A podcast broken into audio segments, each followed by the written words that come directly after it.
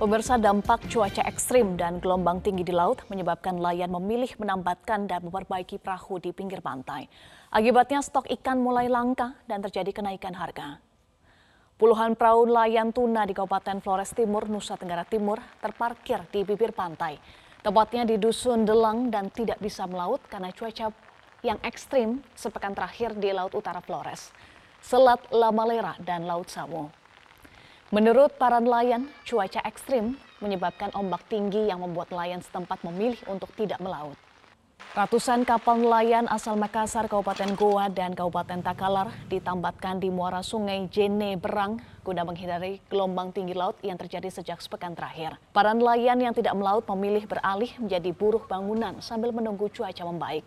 Sebagian lainnya memperbaiki alat tangkap ikan mereka. Sementara itu pemirsa akibat berkurangnya pasokan ikan di pasaran, harga ikan laut di sejumlah pasar tradisional di Surabaya, Jawa Timur naik hingga 25 persen. Di pasar Pucang dan pasar Soponyono. Soponyono di Rungkut, Surabaya misalnya sejak empat hari terakhir harga ikan tongkol dari semula Rp40.000 kini menjadi Rp50.000 per kilogram.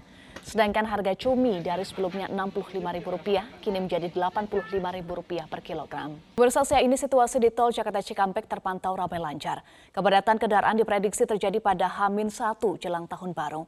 Untuk mengetahui informasi selengkapnya sudah terhubung dengan jurnalis MCN Devi Syafira. Devi, bagaimana situasi lalu lintas terkini di Jalan Tol Jakarta Cikampek? Ya Eva, sampai siang hari ini kondisi di ruas tol Jalan Jakarta Cikampek ini terpantau ramai lancar dan tidak ada kepadatan yang terjadi. Menurut informasi yang kami dapatkan memang sampai siang hari ini memang belum terjadi kepadatan dan uh, pihak polisi ini telah melakukan antisipasi dengan rekayasa lalu lintas maupun kontraflow namun belum dilakukan karena memang belum terjadi kepadatan. Sementara itu diprediksi adanya kepadatan uh, para pengguna jalan maupun dari kendaraan ini diprediksi pada sore hari ini hingga besok menjelang tahun baru yakni pada tanggal 31 Desember 2022. Sementara uh, menurut pantauan kami di jalan tol Jakarta Cikampek ini juga terdapat pos polisi untuk keamanan bagi arus lalu lintas dan di jalan tol Jakarta Cikampek Selatan 2 yakni ruas Sadang dan Kartanegara memang sudah dibuka namun situasional jika nantinya terjadi kepadatan dan hanya menerima kendaraan dari arah Jakarta ke arah Bandung ke Jakarta.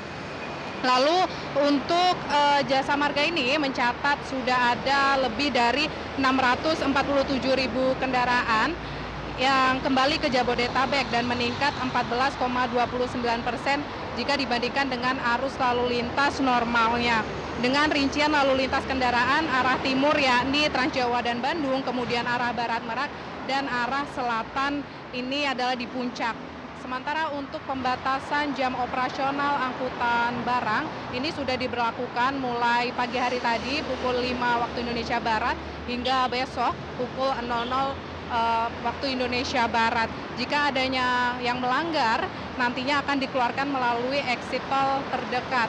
Hal ini tentunya dilakukan untuk mengantisipasi arus lalu lintas yang mengalami kepadatan maupun arus lalu lintas agar tetap lancar dan aman. Pemirsa Korps Lalu Lintas atau Korlantas Polri memantau arus lalu lintas saat libur Natal 2022 dan Tahun Baru 2023 mencapai 47.446 kendaraan keluar DKI Jakarta lewat tiga gerbang tol pukul 6 hingga 12 waktu Indonesia Barat pada Kamis 29 Desember 2022 kemarin.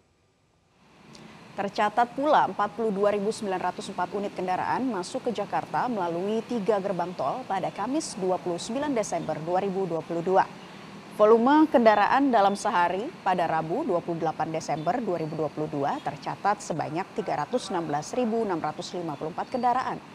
Sebanyak 160.875 kendaraan keluar Jakarta dan 155.779 kendaraan masuk Jakarta di empat gerbang tol. Volume arus lalu lintas yang keluar Jakarta melalui gerbang tol Cikampek Utama arah Trans Jawa sebanyak 39.348 kendaraan Melalui gerbang tol Kalihurip utama arah Bandung sebanyak 35.786 kendaraan. Sedangkan yang masuk Jakarta melalui gerbang tol Kalihurip utama sebanyak 35.262 kendaraan. Volume arus lalu lintas yang keluar Jakarta melalui gerbang tol Cikupa arah Merak sebanyak 46.626 kendaraan, sedangkan yang masuk Jakarta melalui gerbang tol Cikupa sebanyak 46.464 kendaraan. Yang keluar Jakarta, pemirsa melalui gerbang tol Ciawi ke arah puncak sebanyak 36.005 kendaraan, sedangkan yang masuk Jakarta melalui gerbang tol Ciawi sebanyak 34.705 kendaraan. Pantauan arus lalu lintas dilakukan Korlantas Polri selama operasi Lilin 2022 yang digelar selama 11 hari, mulai 23 Desember 2022 hingga 2 Januari 2020. Pemirsa dihantam gelombang pasang tanggul penahan ombak di kawasan Pantai Marina Semarang, Jawa Tengah, jebol. Perumahan di sekitarnya pun terendam hingga satu setengah meter. Delapan titik tanggul penahan ombak jebol tak kuat menahan hempasan ombak pasang. Akibatnya pemirsa seluruh kawasan objek wisata Pantai Marina, perumahan Villa Marina, dan pusat kuliner lumpuh terendam banjir rob setinggi satu setengah meter. Anggota SAR TNI Polri melakukan penanggulan sementara di titik tanggul yang roboh dengan menutupnya menggunakan karung pasir. Di kawasan perumahan Villa Marina terdapat 30 kepala keluarga yang terjebak air pasang.